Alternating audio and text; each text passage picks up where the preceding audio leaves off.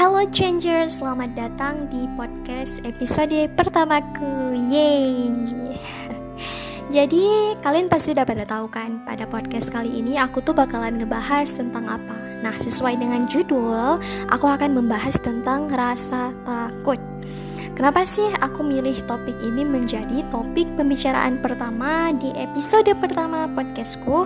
Karena pada dasarnya uh, rencana ya plan untuk membuat podcast ini sudah aku rencanakan beberapa tahun yang lalu, tapi karena aku merasa takut, takut ditolak, takut yang aku bicarakan itu uh, adalah hal-hal sepele yang mungkin orang udah pada tahu dan aku takut nggak dihargai gitu ya, nggak nggak karyanya aku ataupun pembicaraan aku itu tidak bisa memberikan faedah bagi orang banyak sehingga aku menundanya dan baru kali inilah setelah mengumpulkan banyak sekali uh, keberanian aku memulai untuk membuat podcast pertamaku. Untuk teman-teman yang mungkin merasa suka mendengarkannya bisa di subscribe ataupun di share kepada teman-temannya. Terima kasih. Nah teman-teman Pernah gak sih kalian itu membatalkan niat kalian seperti aku untuk melakukan sesuatu cuma karena rasa takut? Takut ditolak, takut dijudge, ataupun mungkin takut ide kalian itu gak dihargai. Ataupun mungkin ketika kalian menonton melakukan hal-hal ekstrim ataupun nonton hal-hal yang horor gitu ya tiba-tiba kalian merasa takut merasa seperti hal-hal mistis itu ada di sekitar kalian Pernah gak sih? Pasti, ya kan? Karena setiap dari kita itu memiliki rasa takut. Tapi sebenarnya, pada tahu gak sih kalau takut itu adalah perilaku adaptif? Maksudnya, takut itu adalah uh, sebuah perilaku dari kita untuk menyesuaikan diri kita dengan lingkungan kita karena ketika kita merasa takut, tubuh kita itu berusaha untuk mengidentifikasi adanya ancaman gitu. Makanya nih, kita ngelihat peradaban-peradaban manusia, itu kenapa sih mereka bisa punya rumah, bisa punya bangunan seperti sekarang? Karena dulunya itu mereka merasa takut dari ancaman uh, alam liar seperti binatang buas gitu, ya kan? Nah, jadi sebenarnya takut itu nggak melulu negatif ya, Takut itu memberikan kita rasa yang lebih was-was untuk lebih waspada kepada ancaman yang ada di sekeliling kita. Nah, ngomong-ngomong tentang rasa takut nih teman-teman. Jadi sebenarnya di dalam otak kita itu ada jaringan saraf yang namanya amigdala. Normalnya setiap orang itu punya dua amigdala. Apa sih peran amigdala ini? Amigdala inilah yang berperan dalam mengontrol rasa takut pada diri kita. Jadi si amigdala ini teman-teman, dia bertanggung jawab atas persepsi emosi yang ada pada diri kita. Misalnya emosi takut, marah, sedih, ya gitu, bahagia dan lain sebagainya. Serta agresi pengendalinya. Artinya ketika dia uh, si amigdala ini mampu memberikan kepada kita rasa takut, rasa marah, rasa sedih, tapi dia juga mampu mengendalikan uh, terhadap rasa-rasa itu. Jadi tergantung kepada yang menggunakan amigdala ini. Artinya tergantung kepada uh, kitanya gitu ya. Kita bisa mengendalikannya gitu. Jadi si amigdala ini dia membantu untuk menyimpan kenangan peristiwa dan emosi sehingga individu mungkin dapat mengenali kejadian serupa di masa yang yang mendatang gitu. Contohnya nih, misalnya teman-teman sering melihat kedua orang tua uh, berantem gitu ya. Sehingga uh, kalian takut untuk menjalin hubungan romantis di masa yang akan datang dengan seseorang. Jadi hmm, hal-hal seperti inilah yang menjadi peran si amigdala ini. Atau mungkin di masa kecil kamu itu pernah pernah digigit sama binatang sama kucing kesayanganmu sehingga sampai sekarang ketika melihat kucing itu kamu merasa berusaha untuk melindungi diri gitu karena kamu pernah memiliki ketakutan terhadap rasa terketakutan terhadap gigitan itu maksudnya maaf ya jadi uh, kamu berusaha untuk melindungi diri kamu dari ancaman itu dengan lebih uh, kuat gitu Nah, jadi itu kurangnya si amigdala. Ketika kamu mensugesti diri kamu, uh, jangan nih, jangan ngelakuin ini. Kamu emang nggak takut nanti orang bakalan nganggap ya apaan sih, inora banget segala macam.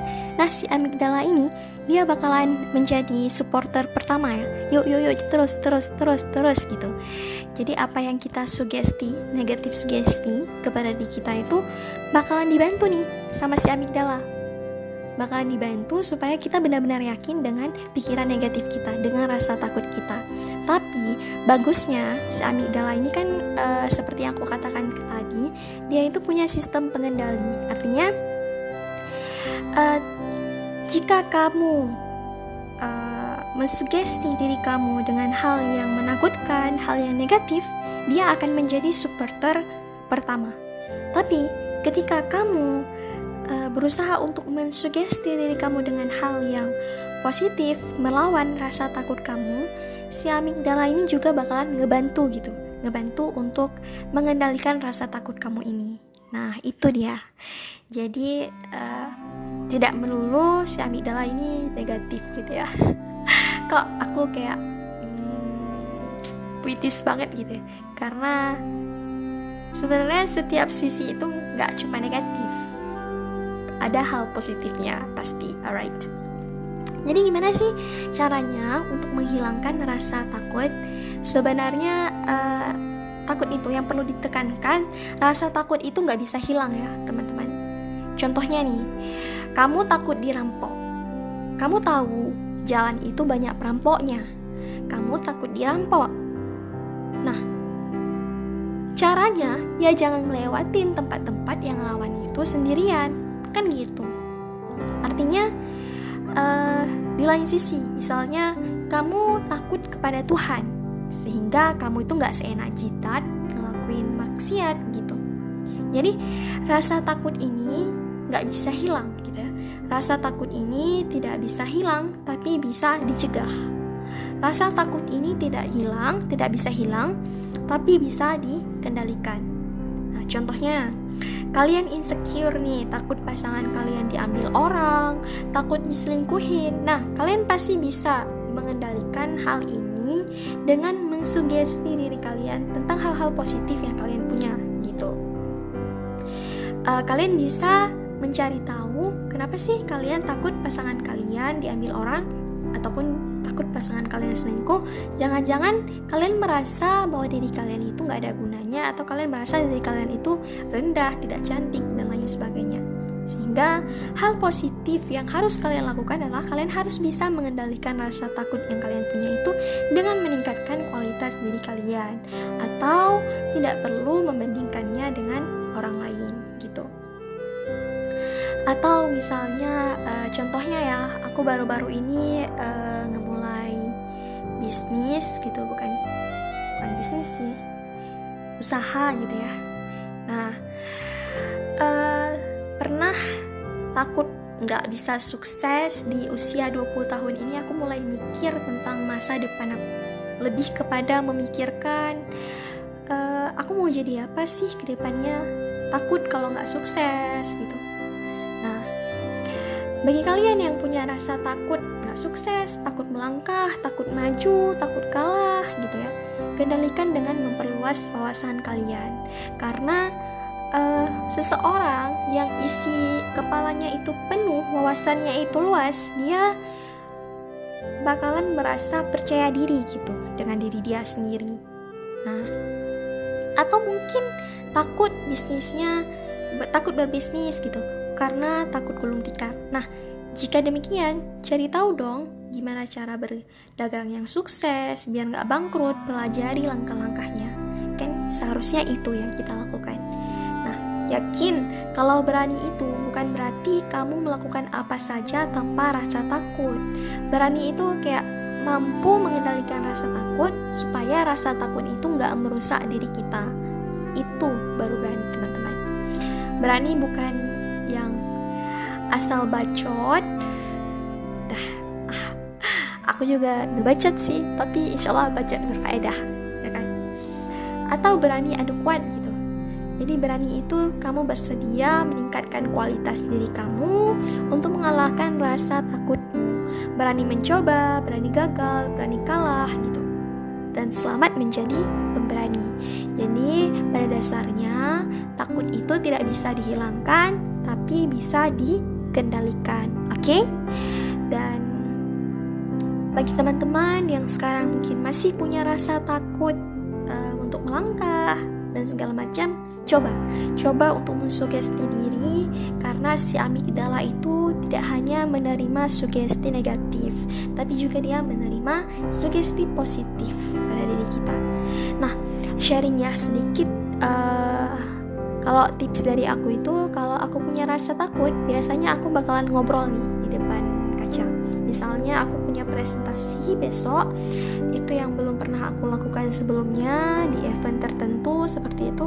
Nah, aku bakalan ngelatih diri aku di depan kaca. Biasanya aku bakalan sugesti diri aku sendiri. Ngapain sih kamu takut? Kamu ini bisa, ayo cepat. Atau ketika aku lagi sedih nangis depan kaca, aku bakalan sugesti diri. Ngapain sih harus nangis? Kan jadi jelek segala macam. Jadi sugesti diri itu penting ya teman-teman untuk mengendalikan rasa takut kita karena rasa takut bisa dikendalikan oke okay? jadi selamat mencoba semoga yang aku bicarakan ini berfaedah dan bermanfaat bagi orang-orang yang mendengarkannya. Dan jika kamu suka silahkan di komen um, apa yang enak dibahas ke depannya silahkan dikasih saran. Oke? Okay? bye